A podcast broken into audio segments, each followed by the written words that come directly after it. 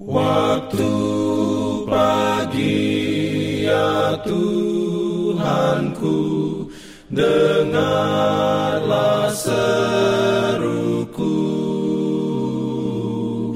Melayang doa yang sungguh Memandang padamu. Selamat pagi pendengar Radio Advent Suara Pengharapan Mari mendengarkan suara Tuhan melalui tulisan pena inspirasi Yesus nama di atas segala nama. Renungan harian 8 Januari 2024 dengan judul Pembebas. Ayat inti diambil dari Efesus 6 ayat 10.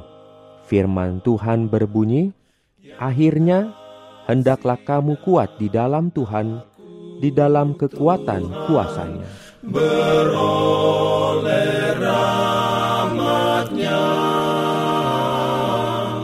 diberikannya perlindungan dalam pimpinannya.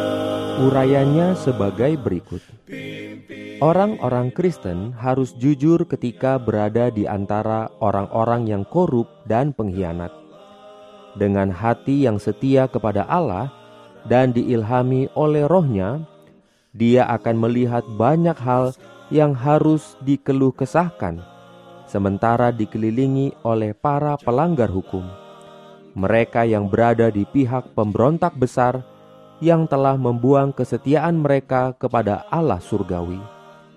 Kenyataan bahwa kedurhakaan sudah merajalela merupakan alasan yang kuat mengapa dia harus waspada dan tekun dan setia dalam pelayanan tuannya, agar dia dapat dengan benar mewakili agama Yesus Kristus.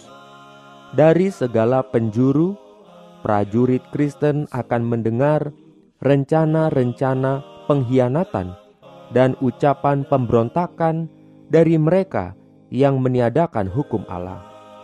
Hal ini harus meningkatkan semangatnya untuk bertindak sebagai penjaga yang setia bagi Allah dan menggunakan segala upaya untuk membawa jiwa-jiwa bernaung di bawah panji Pangeran Immanuel yang berlumuran darah.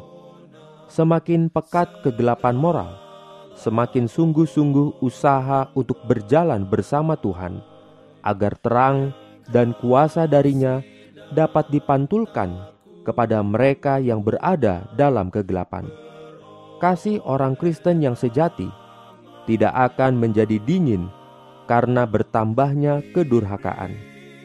Ketika masyarakat tumbuh semakin rusak, seperti pada zaman Nuh dan Lot, akan ada keprihatinan terhadap orang-orang berdosa yang tertipu, tersesat, binasa, yang mempersiapkan diri mereka untuk nasib yang serupa dengan para pelanggar yang binasa oleh air bah dan api Sodom. Kita hanya memiliki sedikit waktu untuk berperang, kemudian Kristus akan datang, dan panggung pemberontakan ini akan ditutup seperti yang belum pernah terjadi sebelumnya. Perlawanan melawan dosa harus diperjuangkan. Perlawanan terhadap kuasa kegelapan. Waktu yang singkat menuntut aktivitas yang penuh semangat dan tekun dari mereka yang percaya akan kebenaran masa kini. Mereka harus mengajarkan kebenaran melalui ajaran dan teladan.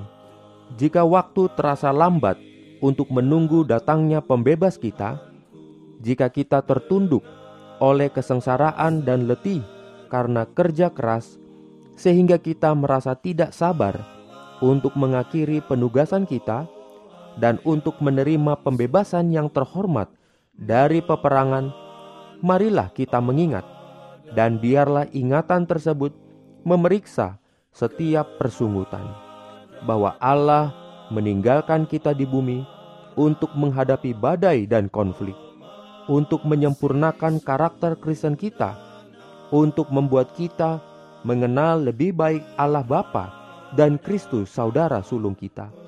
dan melakukan pekerjaan dalam memenangkan banyak jiwa bagi Kristus. Renungkan lebih dalam bagi Anda.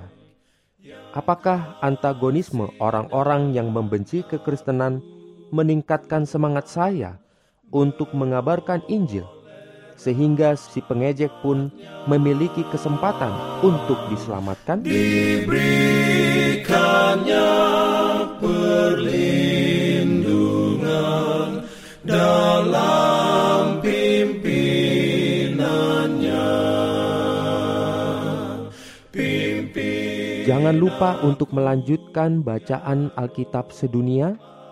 Percayalah kepada nabi-nabinya yang untuk hari ini melanjutkan dari buku Yesaya pasal 46. Selamat beraktivitas hari ini. Tuhan memberkati kita semua. Jalan kewajiban. Jalan